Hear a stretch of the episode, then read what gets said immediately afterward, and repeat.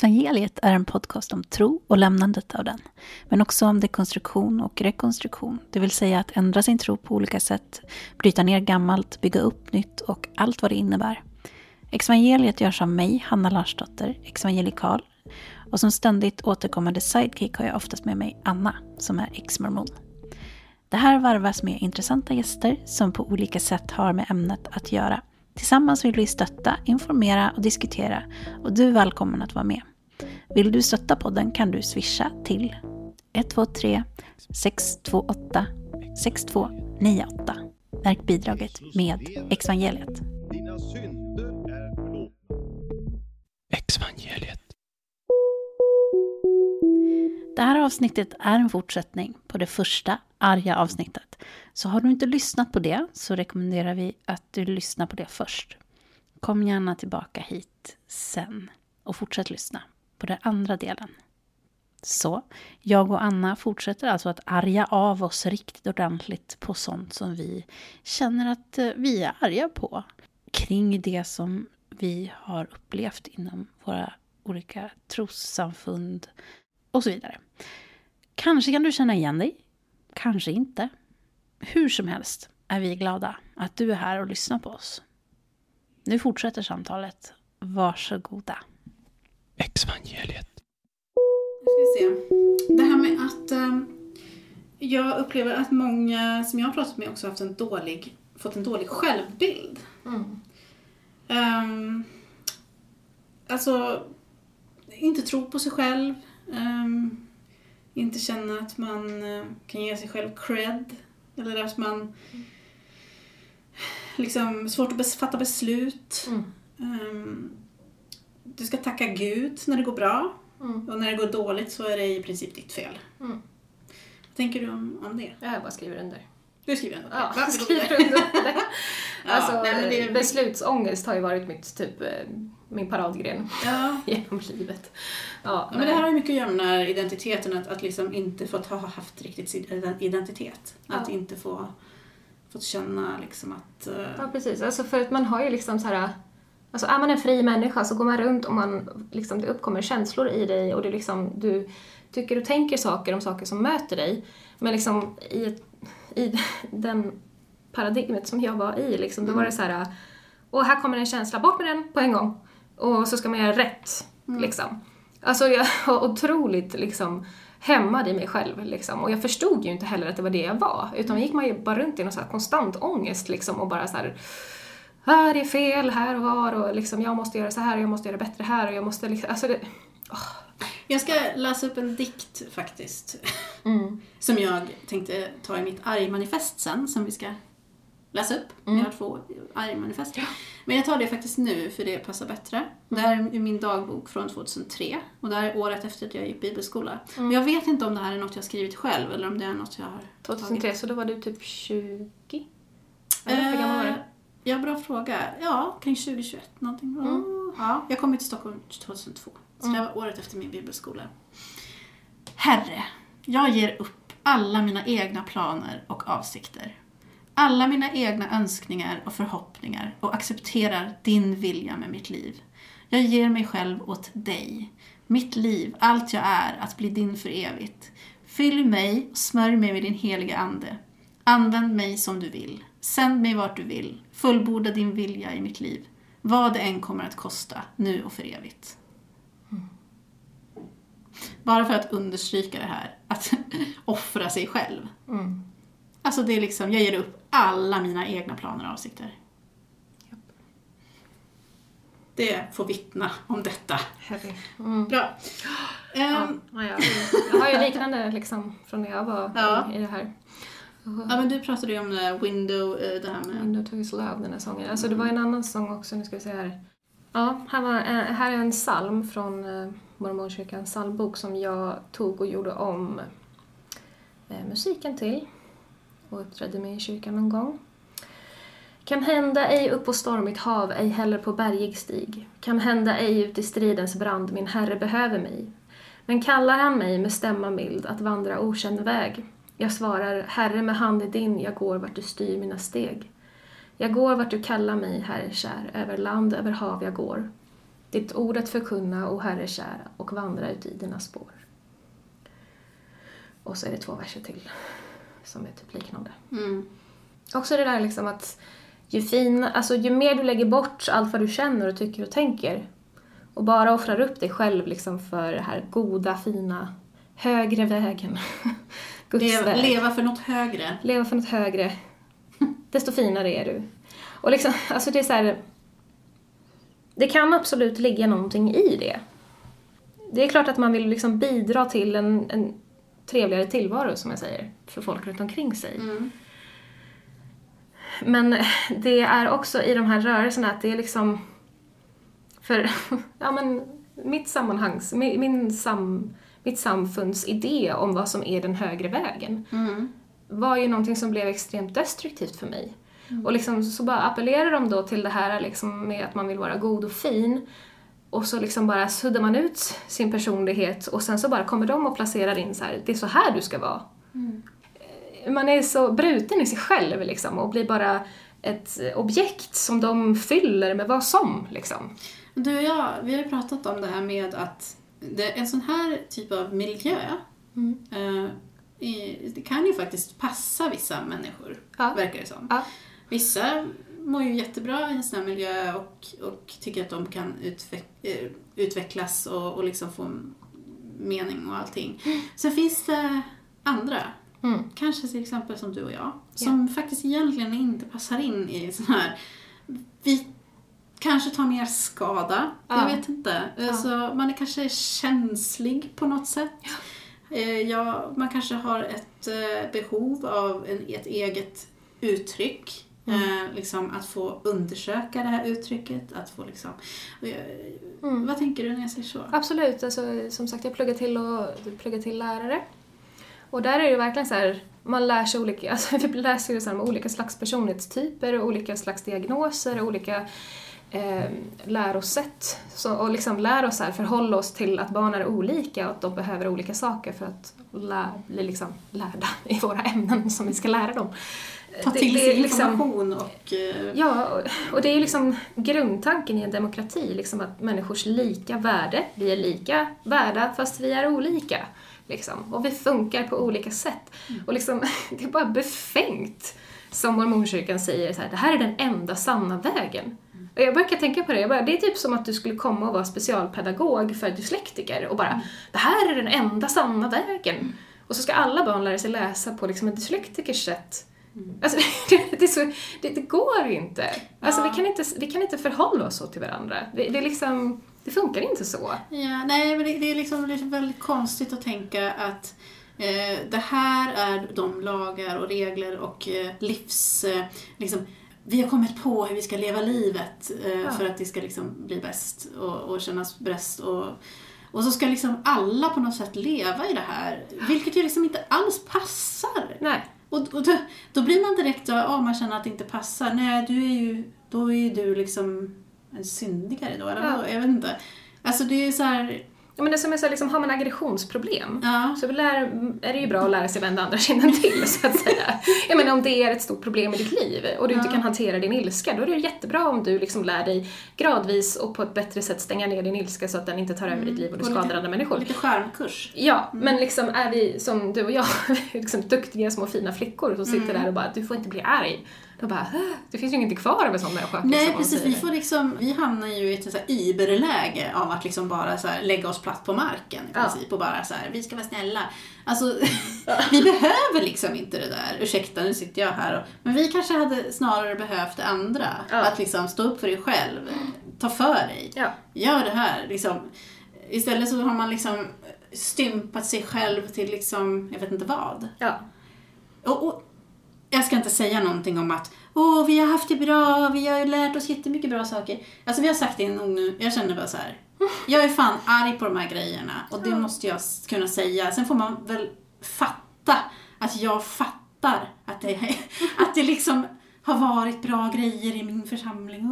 Och, Alltså, jag orkar inte säga såna där grejer längre. Jag tycker det är så här, fan det är jävligt viktigt att alla som har fått vara med om det här får, har rätt till sin egna berättelse. Mm. Alltså det här är en av de grejerna som jag känner så här. Ta med er det här från det här avsnittet. Mm. Det är så ofta man får höra när man, när man vill prata om vad man har varit med om i såna här eh, kyrkliga miljöer. Att man blir bemött med det är ju många som har blivit brända av kyrkan, men bara för därför behöver du inte dra alla över en kam. Eller, ja, men om du hade varit med i min kyrka så hade du inte känt så här. Eller, och människor får så mycket fint ut av tron och här kommer du och är så arg och säger en massa saker. Och, Alltså det är så mycket stympande saker. Alltså, det är, jag är så arg på det här. Att liksom, jag vill berätta mina upplevelser och jag blir bemött med misstro, Mm. anklagande för att jag är arg, att jag inte ser alla perspektiv, att jag ska säga, tänka på att det är inte alla kristna som är så här. Eh, Jag ska liksom hålla på och ta hänsyn och ta hänsyn och ta hänsyn hela, hela, hela jävla tiden. Mm. Alltså det... Mm. Ja, de jag- inte har tagit hänsyn till oss alls. Samtidigt ska jag liksom på något sätt få de här vackra, goda, Jesus älskar dig och Gud välsigne dig och jag ber för dig och, och det ska på något sätt vara okej. Mm. För att det är ju gjort med kärlek. Min berättelse, den är ju liksom fylld av skam, skuld, negativt, fallenhet. Liksom, det är liksom en bild på något sätt som så länge det är positivt och bra och uppbyggligt, då är det helt okej att prata om. Men så fort du kommer här och liksom förstör stämningen Mm. och liksom kan dra ner andra med dig i misstro, ja, men det ska vi inte lyssna på. För det är liksom, det, det stör våran värld. Jag, jag blir så ledsen över det. Och jag tycker faktiskt att man ska få sluta be om ursäkt för att man har varit med om de här grejerna. Jag tycker det är eh, viktigt att, att våra röster får komma till eh, få, få, få höras. För det är liksom... Våra berättelser är lika mycket värda som någon annans. Mm. Eh, och, och dessutom så är de inte så fyllda med så mycket eh, arghet och elände som det låter idag, till exempel. Utan liksom, det finns så mycket, himla mycket bra Mm. med våra liv. Jag känner så här, jag har fått så otroligt mycket. Och att inte få liksom bli lyssnad på, Mm. på det, utan ja, det kommer liksom kommentarer om ja men det finns ju folk som mår jättebra av att bli troende också. Mm. Jaha, du tror aldrig att jag har hört den berättelsen? Mm. Jag har aldrig hört att människor blir lyckliga av att tro på Gud. Mm. Jag är ju liksom uppväxt i en evangelikal miljö. Det är klart som fan att jag har hört det. Ja. Till leda. Det behöver vi inte upprepa fler gånger i mitt liv. Mm. Jag behöver liksom få berätta det jag har varit med om. Mm. Och människor behöver fan ta till sig det och se vilka problem som finns. För väldigt många människor som växer upp i såna här miljöer. Sen finns det människor som inte mår dåligt av det. Congratulations! Mm. Du hade tur. Du, ja. Ja. Men sluta hålla på och liksom klistra den här himla etiketten på alla. Det här är det bästa sättet att leva och liksom, det går inte. Och nu känner jag att jag blev riktigt arg. Det här känns Ja, bra. Jag känner att det här är bra. Vi ska liksom hålla uppe lågan. Ja men det är, fa- det är faktiskt det arga avsnittet här och jag Ja. känner att jag vill elda upp mig själv nu när jag ändå får chansen. Ja, äh, Exvangeliet.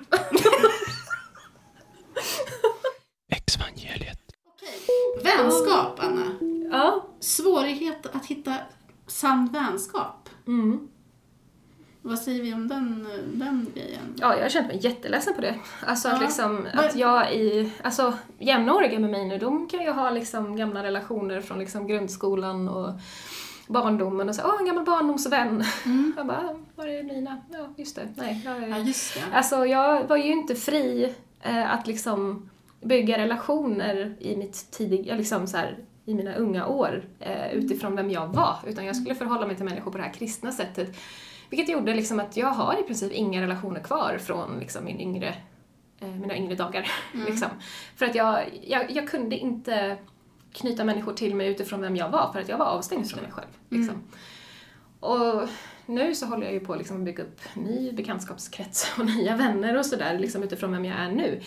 Men jag är liksom 33. Alltså, det är så här, det, och det är, alltså man är ju, eh, man är ju haltande liksom i det här. Jag har sagt det till någon vän, så jag bara, ja, jag går typ så här på socialt dagis fortfarande för att jag typ fattar inte hur jag ska vara ärlig i relationer, hur jag ska liksom, ha- alltså så här, eh, alltså för dels var det här att jag var avstängd från mig själv eh, och sen så var det också det här lovebombing liksom, sättet gentemot människor. För att man skulle vara så öppen och fin och glad och positiv mot alla som kom och ville höra om evangeliet. Liksom, och det är som de, liksom, sådana som kommer till mormonkyrkan och andra sekter ofta vittnar om, att man blir så här bombarderad med kärlek. Och liksom, det var ju ett sätt som jag var van att, att vara i. Liksom. Så jag har ju verkligen behövt så här, lära mig så här, okej vänta, här är vi i Sverige, folk blir typ sjukt obekväma ifall jag så går på och typ frågar hur de mår och frågar om de vill ha hjälp med något. Och sen alltså fan, jag har gjort så mycket sjuka grejer Hanna. Jag, har gjort bort mig så mycket. Det, det, Jag vill bara börja om, så här, kan jag bara få gå lågstadiet med några fritidsledare som lär mig? ja, men alltså det är också en, en, en konst liksom, att lära sig att du behöver inte vara glad och trallig mot alla människor. Ja, du behöver inte erbjuda din hjälp till alla. Nej. Jag tycker att man ska göra det när man kan och vill och orkar. Ja. Men liksom det här, ja, ja, liksom, alltså man bara lägger sig på något sätt, Ja. offrar sig själv för, liksom på så här godhetens altare för att du ska liksom finnas till för människor. Nej men alltså det, det är ju inte sunt. Ja. Nej, alltså det, Det- det, är i alla fall inte svenskt på något sätt. Alltså, så här, alltså för jag är ju så här van med att liksom, okej nu är det lördag, den här personen ska flytta, okej då kommer de upp ärmarna och åker dit. Liksom. Och så är man så här, eller typ, åh den här personen är lite trött, ja men då behöver en barnvakt. Alltså så här, man har liksom, jag är van med att leva i en församling där man liksom gjorde så med varandra hela tiden. Alltså, Ja, Och vissa ser Ja. det här som enormt fint. Alltså det är ju något som är Ja. kollektivistiska liksom. ja. Men, Och det var alltså, ju jag det. är ju inte en kollektivistisk människa. Alltså, Jag är ju jag är inte en sån. Jag har aldrig varit och jag vill aldrig vara det. Och vissa får ju ut någonting av det. Ja. Alltså jag vill... Jag mår dåligt av att vara för liksom, utlämnande. Mm. Det, jag har inte mått bra av det alls. Nej. Eh, Nej, det och det har varit en jätte, jättesvårt för mig att känna liksom att jag eh, måste lärt mig att sätta gränser. Mm. Liksom. Alltså, vad, är, vad mår jag bra av? Liksom, vad, Ja. När försvinner jag som person? Typ. När blir jag så upplöst i kollektivet? Ja. Usch, hemskt, Ja. hemsk känsla för mig. Alltså jag, Alltså, jag har nog ändå, alltså jag tyckte ändå om på något sätt det där, men nu, liksom nu när jag ser tillbaka på hur mitt liv såg ut då och hur mitt liv ser ut nu, när jag liksom bor själv i en lägenhet och jag har väldigt mycket ensamtid. Mm. Och då får ju jag tillfälle att liksom landa, att må bra, alltså så här, att inte vara uppeldad i den här ångesten som jag gick runt i hela tiden. Jag förstod nog inte liksom riktigt att, att vara i ett sånt intensivt socialt sammanhang faktiskt eh, var, alltså att det var för intensivt för mig. För att jag har en hjärna som registrerar, alltså så HSP, liksom, jag, så här, jag registrerar väldigt mycket intryck hela tiden. Och liksom det, eh, det, drar, det drar igång min hjärna och mitt system väldigt mycket mer. Liksom, eh, än kanske andra, eller jag vet inte hur man ska jämföra sig, men liksom eh, att inse hur mycket ensamtid jag behöver och hur introvert jag faktiskt är. liksom, hur mycket tid jag behöver för att processa allt jag går igenom och allt som händer mig. Ja, det, det var också någon, det var man ju inte heller fri att liksom upptäcka om sig själv. Liksom. Utan man skulle bara ut och ha roligt hela tiden med alla på något sätt. Ja, ja men det där tycker jag också har att göra med det här med att, eh, liksom, att inte passa in. Alltså att man känner det här som vi har pratat om, att leva mellan två världar. Jag tänker det här med vänskap och känna liksom att man delar eh, minnen med de som man har varit uppväxt med och Ja. varit i kyrkan med.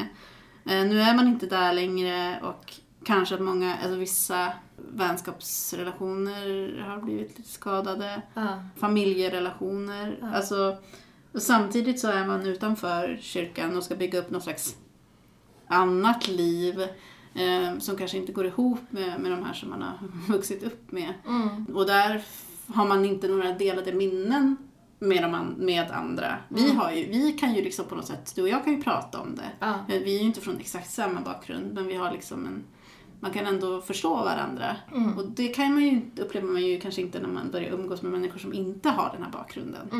Mm. Vilket ju är liksom i princip väldigt många andra i samhället. Liksom.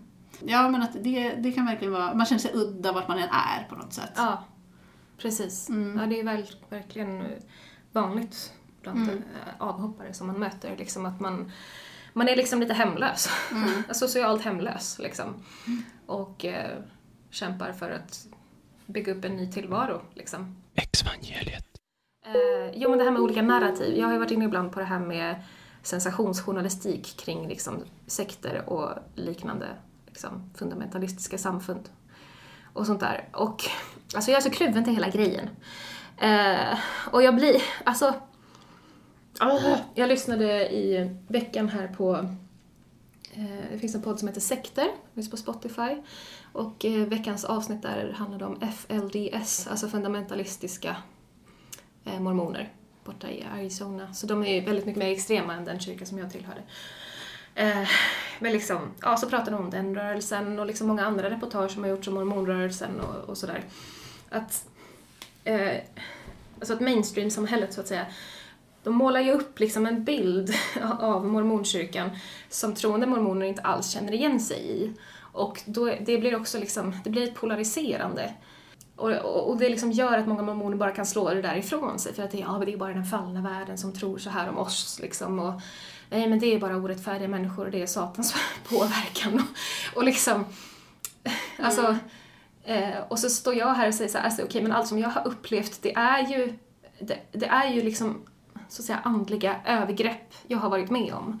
Och det skulle kunna göras en sån där snaskig sensationshistoria om min historia också. Och den skulle vara sann för mig. Eh, samtidigt så vet jag liksom att de personerna som gjorde det här mot mig, jag känner ingen illvilja från dem. Liksom, jag känner inte att det är tydliga, eh, det är tydliga offer och förövare. Eh, och liksom, alltså, jag vet inte, det, det är den här svartvita bilden som både kommer från mainstream-samhället så att säga och från liksom sekten. Och liksom så står man i mitten här någonstans och förstår båda två och så liksom gungar fram och tillbaka. Det är så här, Ja, jag kan berätta min historia på det här sensationssättet. Och jag kan också berätta den utifrån hur de skulle förklara det, alltså mormonerna, de som är troende. Att det var ju bara kärleksfullt av dem och det var ju liksom inget illa, illa ment med det och det måste du ju förstå. Alltså, det, är så här, det är liksom de här olika narrativen man går runt med och Alltså, ja, jag har faktiskt fått liksom känslan av att jag är typ sjösjuk ibland. Liksom, när jag tänker på alla situationer jag varit i från liksom olika sätt. Och jag... Jag, jag blir så arg på den här kampen det är liksom att försöka få rätsida på sin egen historia. Bara, hur ska jag berätta den så att den blir liksom balanserad och eh, sann och alltså jag skulle vilja liksom att alla mina gamla relationer förstod mig och förstod hur ont det här har gjort för mig och att de liksom in, kunde ta in också att även fast man gör det med kärlek så kan det göra gräsligt ont på en människa. Eh, och liksom bara för att jag berättar den på det här då sensationssättet då så skulle så blir liksom, alltså bara, ja men det här, bara för att jag är arg så blir det liksom skäl att avfärda mig och min historia. Det är det så här, vem, vem ger den rätta bilden på något sätt av rörelsen? Alltså, alla har ju olika version, versioner liksom. Ja. Så du har din version, mitt där, mittemellan. Eh, Den som kanske inte har en egen erfarenhet av rörelsen gör liksom ett av, ja, liksom, har en bild som kanske blir lite mer sensa- sensationell. Och så har du kyrkans version som ser helt annorlunda ut. Och vem är det som har den liksom rätta tol- liksom, upplevelsen på något sätt? Eh, men jag kan verkligen förstå vad du menar. Ja. Men det är också därför som vi sitter här och pratar. För Ja. att är liksom så här, vi vill varken skapa en sensation, för det var inte sensationellt. Ja. Alltså konstigt i Nej. princip. Det var ju naturligt och, och en, så här, en vardag som man levde i. Det, och för någon som inte har levt i den så blir det ju exotiskt då liksom. Eh, Åh, talade du i tungor? Åh, vad konstigt. Liksom. Ja, nej det var inte speciellt konstigt. Eh, Nej. Vi gjorde det liksom och det var naturligt. Typ. Ja. Det- ja, men alltså Ja. filmar man det och liksom visar upp det i ett annat sammanhang så ser det ju helt sjukt ut. Mm. Helt sjukt, men ni fattar. Ja.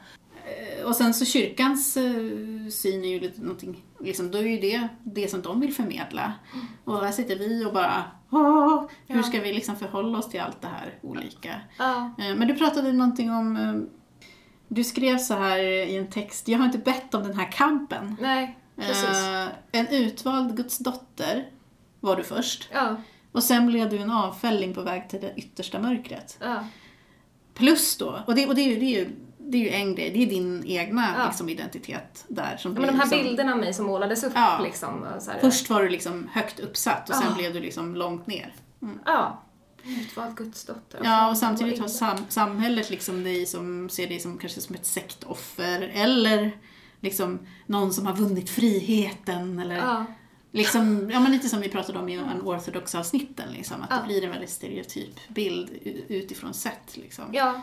och så de här som du, som har, men de som har, du har lämnat Ja. har en bild av dig som liksom, ja, Mm. Utstött. Eller, Ja. Och, och liksom, Men ändå älskad. så kära någon. Kan vi bara såhär, okej, just for the record, för alla. Man, om man tycker att någon ska till helvetet, eller tror att någon ska till helvetet, så älskar man inte den personen. Får jag säga så? Ja, du får säga. Ja, på riktigt. Alltså så här, det är inte kärlek att tro om någon att den är värd helvetet. På riktigt. Ja, så. Alltså sen så vet jag så här. Självklart så är det så här, okej men den personen är den bilden av mig, och den personen är den bilden av mig. Jag kan inte bry mig om alla dem. Men det är också något så här, något som jag liksom får åka slalom och navigera mellan liksom i mötet med alla människor jag har runt omkring mig. Liksom att, att man går runt med den här väldigt speciella historien. Eh, jag valde inte att bli född i mormonkyrkan. Jag valde inte min personlighet. Alltså jag har inte... Ja, men jag har liksom fått den här lotten i livet och jag måste hantera den och det tar så fruktansvärt mycket energi och tid och liksom det är så många år som jag har förlorat i liksom depressioner och liksom... Det är, så här, det är så jävla orättvist bara. Jag blir så arg. och, och, och, det är liksom... Det är som någon... Jag pratade med någon för något år sedan liksom, och de frågade så här, ah, men hur är det med det där och hur var det? Och så jag bara, ja, nej, det, var, det var gräsligt liksom. Det var gräsligt att lämna det här och liksom den otroliga existentiella krisen man hamnar i och liksom socialt självmord på många sätt och liksom och de var så här, ja, var det värt det? Och jag blev så det var värt. Alltså, det, det, det var inte så att jag stod en dag och så här, åh, nu har jag det här valet eller det här valet, åh, men det här känns värt det, då tar jag den vägen. Alltså det var verkligen inte så, utan det var så här, jag blev född i det här och sen när jag är mig själv så händer det här på vägen. Jag har inte liksom, alltså, jag har inte valt att vara en frihetskämpe som vann, liksom. Här. Det, det är bara sån jag är, liksom. Det, det är så det blir när jag är jag och jag hamnar i ett sånt här sammanhang. Alltså det är så här, jag är inte intresserad av att bli etiketterad med liksom vare sig det ena eller det andra, liksom. Jag måste hoppa in där och Ja. säga då att jag är arg när människor säger att jag har gjort ett val. Det Mm. har jag pratat om förr. Jag har inte gjort ett val att sluta tro Mm. på Jesus. Nej. Oavsett hur mycket ni tror det, ni, säger jag, som säger det här till mig. Mm. Så var, det, alltså det är så långt ifrån ett val. Alltså det är som du säger. Mm. Det är bara jag. Alltså, jag har min process i tankarna och min resonemang. Och liksom, jag kom fram till i min, min hjärna, mitt känsloliv, det kom fram till att det här är inte någonting som jag tror på. Och det är inte ett val. Jag har gjort val, jag har gjort val, liksom, jag valde att läsa på universitetet. Det är ett val. Men alltså, det är många som har gjort det. Och, och liksom, vissa går ur det troende, andra går ur det... Alltså det är inte liksom... Jag blir så förbannad när jag får höra det här hela jävla tiden. För att säger du att jag har gjort ett val, du har gjort ett val, ja du har valt mellan ont och gott i princip. Du har valt den här breda vägen. Vi går den smala vägen. Nej men Ja, det här också, apropå fri vilja, förlåt är du färdig? Eller har du ranting kvar? jag har mycket rant men det, det får vila. Ja men, det så pratar vi om i ett annat avsnitt också, när de säger så här, ja men alla är fria att välja, liksom. Alla är fria att välja att vara kvar eller gå ur och liksom välja mellan ont och gott. Jag bara, det är inte fri vilja. Nej. Alltså, Nej, men alltså, det, det är motsatsen till fri vilja. Det är inte ett fritt val ifall du säger att det är ont om jag väljer någonting annat än du säger. Men du, då väljer jag det onda, känner jag. Jag väljer gärna det här att få de här problemen som jag upplever att jag har fått med både vänner och familj. Och, Ja, ja. och att behöva sätta sig in i här djupa filosofiska frågor och ifrågasätta, kommer jag leva efter döden? Liksom, vem är jag egentligen? Liksom, åh, jag väljer att gå in i en depression för att jag inte vet vad mitt, meningen med mitt liv är längre. Liksom, ja, men det låter jättekul. Det väljer jag. Mm. Nej, det är ju inte så. Liksom, det får man väl faktiskt räkna ut själv. Ja. Det funkar inte på det sättet. Sen kan man tro att man väljer ondska eller godhet eller Jesus eller djävulen hur mycket som helst. Mm. Men det är inte så. Nej. Alltså, Jag, jag tror man känner- att det är så så... Ja. Alltså i och med att min process var så... Förlåt, är du Förlåt, färdig? jag får en liten sån här arg utlopp här. Jag sitter här och hyttar med Vi skulle armarna. haft en boxingsäck med oss på detta avsnitt. Nej men, eh, ja. Jag tror, en annan sak, jag tror att det är bättre om du bara låter den hänga och inte bara gör så här. Det är bara jag, Jag Hanna! instruerar nu Anna här att hon inte ska pilla på sin... Att jag inte ska fara runt så mycket med händerna. Nej, för då låter det lite i Men jag sladden är här. ju sån Så som pratar med mina prata händer. liksom utåt med händerna och Okej. inte in mot sladden. Nej, men jag skulle säga någonting om när jag hoppade av.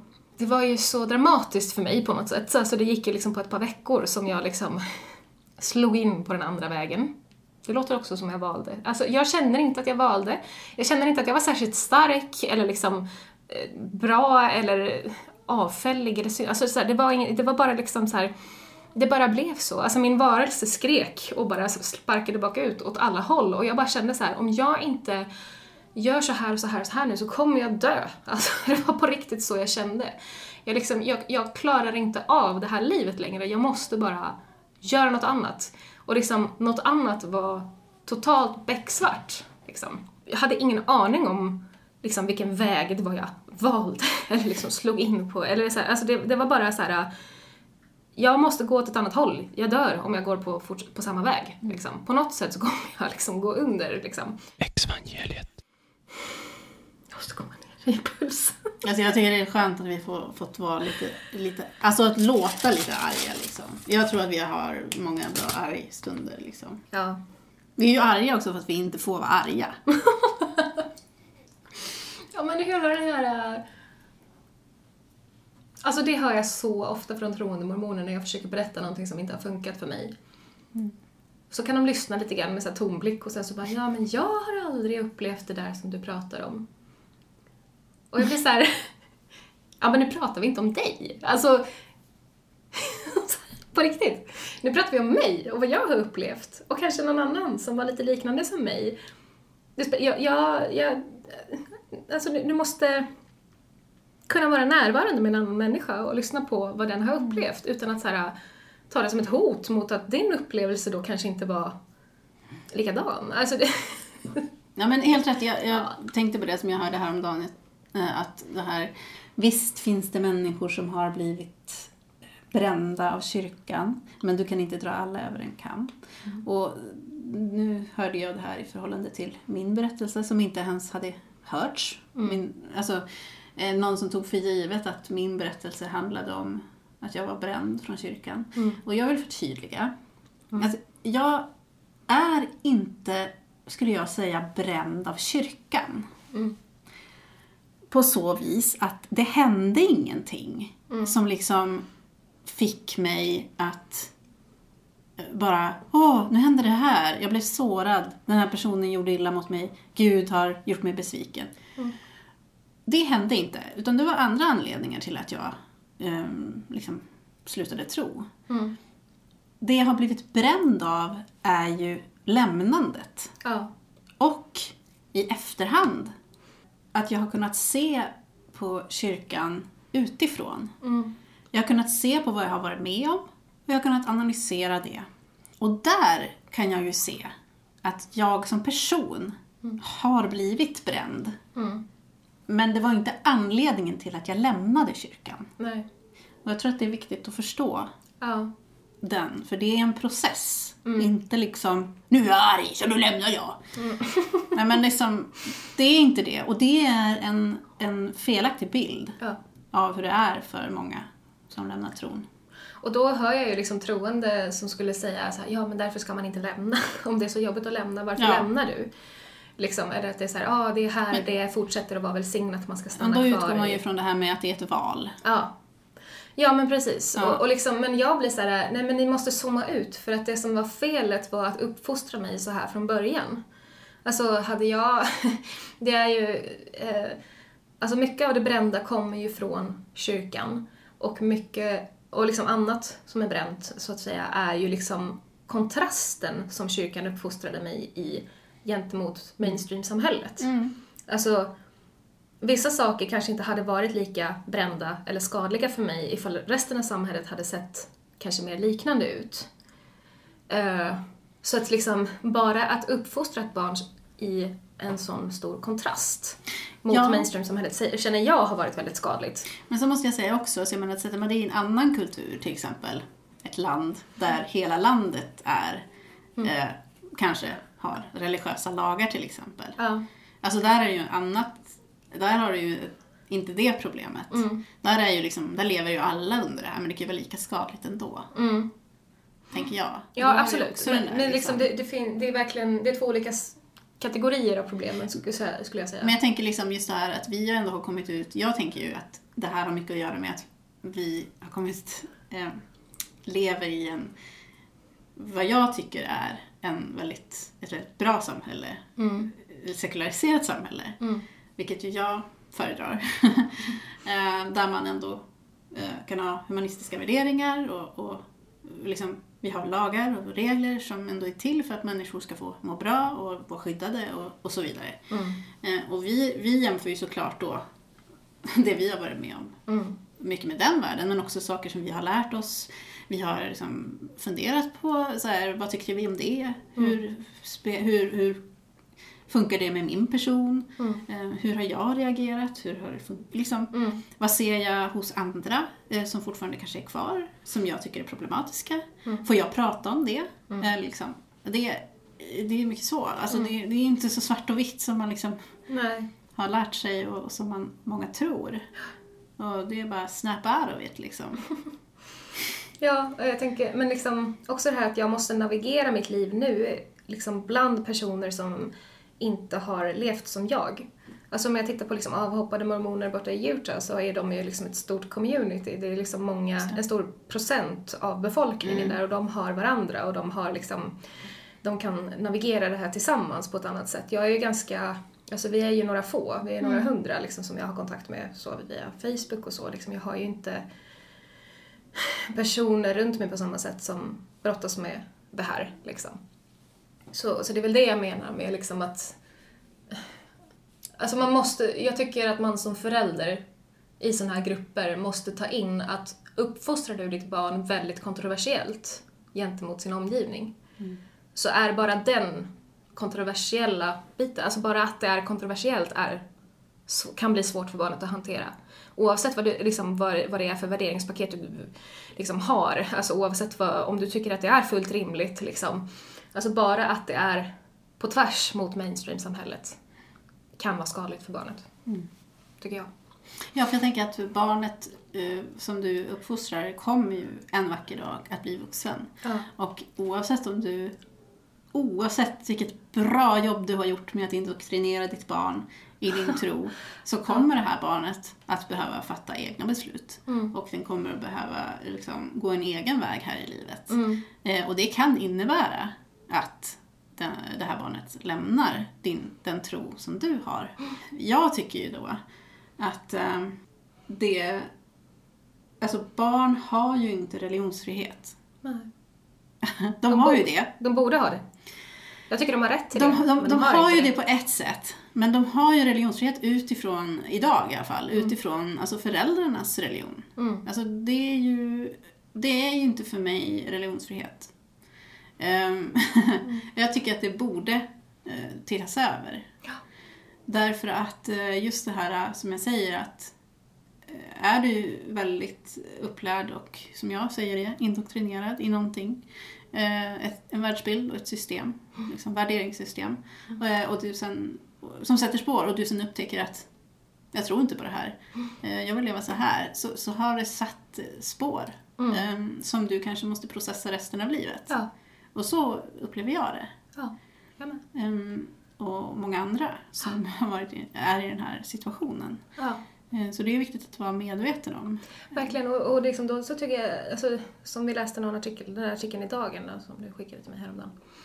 Eh, liksom för de som är kvar i det religiösa liksom då, i gruppen och så pratar de om alla de som har lämnat och de stackars föräldrarna som inte har Ja, sina precis. barn med sig i kyrkbänken. Alltså det är en sån förskjutning av skuld. Eh, det är liksom skulden för att barnet har lämnat ligger på barnet och inte på föräldern som inte har liksom haft en tillåtande uppväxt att liksom låta det här barnet göra som de vill. Alltså det är så här, jag vill bara vända på det och bara, ja, för, alltså föräldrarna kanske sitter och är ledsna för att deras barn inte är med dem i kyrkan, men vet du vad? Barnen sitter och är ledsna för att deras föräldrar inte är med dem och liksom... För att som i de, är fall- ledsna för att deras föräldrar är ledsna. Det Ja, och liksom för att, alltså bara som vi som inte fick dricka kaffe, jag är jätteledsen för att liksom mina gamla relationer inte kan sitta i mitt kök och dricka kaffe med mig. Alltså det kan ju jag gå omkring och vara ledsen över. Liksom, precis som de är ledsna över att jag inte är i kyrkan. Alltså det är så här, det, liksom, det, det blir så, det blir en konstig förskjutning av, av skuld. Liksom. Att det är så här, det är inte mitt, alltså så här, att jag lämnade inte mitt fel, utan felet begicks när jag uppfostrades på ett sätt som inte passade mig. Det är liksom där skulden ligger. Inte att jag lämnade. Precis. Exvangeliet. Ja, vi har ju också gjort eh, manifest. ja. Ett manifest var i princip. Manifest och manifest. Du har ett riktigt. Jag har med något som jag skrev ihop i morse som jag kände så här, jag vaknade upp och bara jag är på det här, jag är på det här, jag är på det här. Så, eh, vi ska avsluta med att eh, läsa upp de här. Ehm, Japp. och så hoppas vi att eh, Det kan vara inspirerande. det kan vara inspirerande och någonting att jobba vidare på. Ehm, Förlåt, jag lägger ord i mun på det. jag är jävligt arg. Håller du käft? Nej usch. Nej, så ska man inte säga. Ja, ibland ska man säga så, Hanna. Ibland. Väl avvägt och när det liksom passar. Nej, jag tyckte det var lite hårt i det här läget faktiskt. Okej, mm. Jag tycker Ja, du ska jag tycka. prata. Ja, tack, eh, tack för det här och tack, tack för idag Anna. Det var ett nöje. Hanna. Detsamma. Nöje att få vara arg tillsammans med dig. Eh, så här offentligt. Mm. Ehm, och även, jag ska säga det också, att eh, den här säsongen som kommer, jag känner på mig att den eventuellt kan vara lite arg överlag. Um, jag har jättemycket intressanta gäster som, som har varit med om saker som de är eh, arga på. Ehm, men vi hoppas ju också för, förmedla lite hopp till framtiden. Men det, som sagt, det kan ibland behöva börja med att man får också möjligheten att vara lite arg. Kanske några så här, dagens goda nyheter från exvangeliet är att man får vara arg. När någon har klivit över din gräns. Vi har sagt det nu, så nu får man det. Mm. Mm. Man Hej! det. Exvangeliet. Här kommer våra arga manifest. Det vi nu ska säga kommer för några vara extremt provocerande. För andra kommer det att vara självklarheter sedan decennier. Detta är att leva mellan två världar. Vi förstår båda sidor.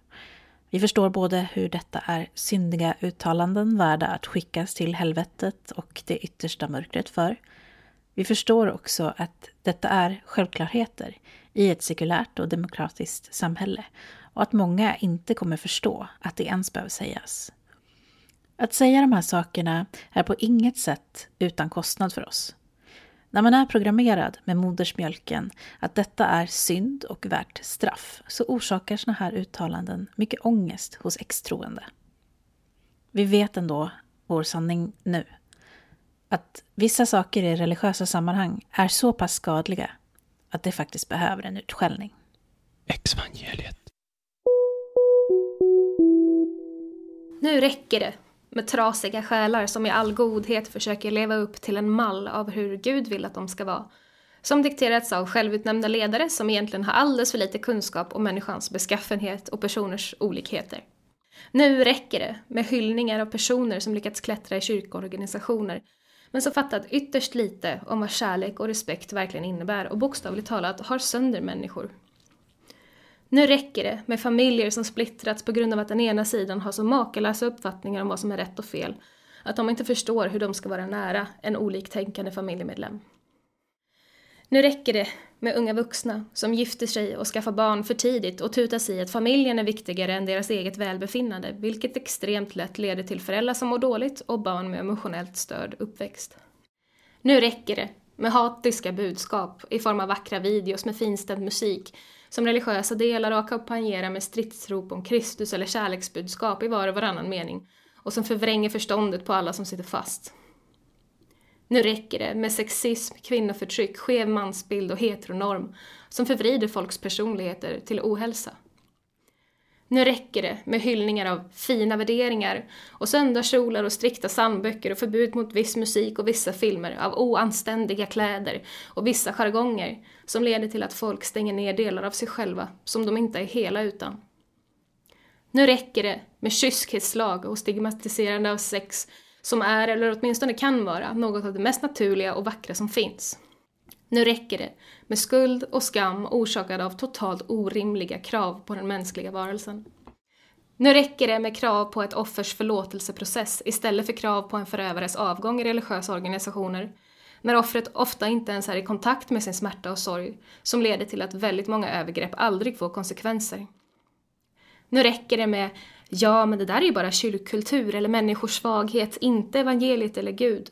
Eller Ja, vissa personer kanske har tagit lite skada, men de är inte representativa. Eller bemötandet “Jag har aldrig upplevt det som du berättar om under hela min tid i kyrkan”. Nu räcker det med barn som tvingas delta i eller vara föremål för de vuxnas religiösa riter, uttala böner, sjunga religiösa sånger eller sitta stilla i finkläder och agera någon slags varumärke för den fina kyrkfamiljen. Nu räcker det med missionärer som åker till världens alla länder och gör intrång på andra folks kultur och sedvänjor och ska lära dem det rätta sättet att förhålla sig till världen på.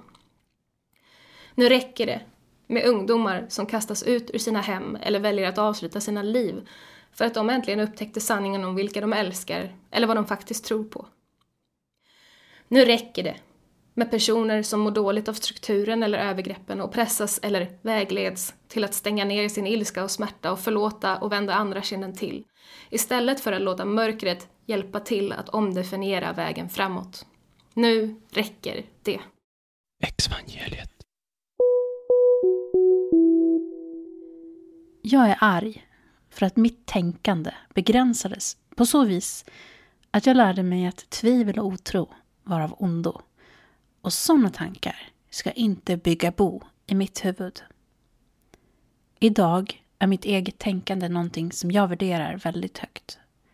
Jag kan vara kritisk mot mitt eget tänkande utan att moralisera det. Idag handlar det för mig om att tänka bättre, med en medvetenhet att vårt mänskliga tänkande är bristfälligt på många sätt. Jag är arg för att min tonår präglades i stort av att jag skulle vara sexuellt ren. Det innebar inte bara att inte få undersöka sex och närhet på ett naturligt sätt, men också ångest, skuld, skam, ensamhet. Ingen att prata med om jag någon gång gick över en gräns. Eller ett totalt bekännande att jag gått över en gräns. Ingen som sa det är okej okay att vara nyfiken på sin kropp och andras kroppar. Ingen som sa det är okej okay att berätta utan att få instruktioner om hur jag ska undvika att hamna där igen. Skammen, ensamheten, extrema känslor, avstängda känslor. Jag är arg för att jag lärde mig att Gud är den enda som betyder någonting på bekostnad av mig själv, mitt jag, min personlighet, min vilja och mina önskningar. Hans vilja Hans ord, hans kärlek, hans plan, hans upphöjande, hans församling. Allt det gjorde att jag aldrig kunde vara mig själv. Upptäcka mig själv, acceptera mig själv, lära mig att det är okej okay att bara vara jag. Eller bara. Att det är okej okay att vara jag. Jag är arg för att jag, istället för att lära mig hur jag kunde hantera min oro, ångest, rädsla, ensamhet på ett konstruktivt sätt, lärde mig hur jag kunde dämpa alla de här känslorna genom att lägga dem utanför mig själv, genom bön. Enligt min erfarenhet gav det bara en typ av beroende av bön. En typ av direkt lindring, liksom en drog, som i stunden kanske hjälpte, men det gav mig inte redskap att kunna bearbeta mina känslor i det långa loppet. Jag är arg för att jag upplever att jag och andra extroende inte får eller kan äga sin berättelse på grund av känslor av skam, skuld och dåligt samvete som bara förstärks genom uttryck som inte alla kristna. Det där var bara din kyrka församling. Det var ditt val att lämna. Så varför uttalar du det ens? Tron är viktig för så många. Bara för att du har blivit bränd av kyrkan kan inte du generalisera. Samtidigt ska jag acceptera att människor fortsätter uttrycka religiösa saker som Jag ber för dig. Gud välsigne dig. Jesus älskar dig. Deras berättelse om frälsning och upprättelse från synd är så underbart positiv och härlig och min berättelse är präglad av fallenhet och synd. Vilket ju inte alls ens är en korrekt bild av någon som lämnat sin tro. Vi behöver fler positiva skildringar av människor som lämnat sin tro. För att beskriva en verklighet som förvanskats alldeles för länge av många kyrkor. Det finns också en myt av att de som lämnade tron aldrig riktigt var riktiga kristna. Vilket ju är en oerhörd skymf mot någon som upplever sig ha haft en gedigen tro på någonting. Om du säger att någon inte varit äkta, ogiltig förklarar du den personens upplevelse. Jag är arg och det är okej. Okay. Evangeliet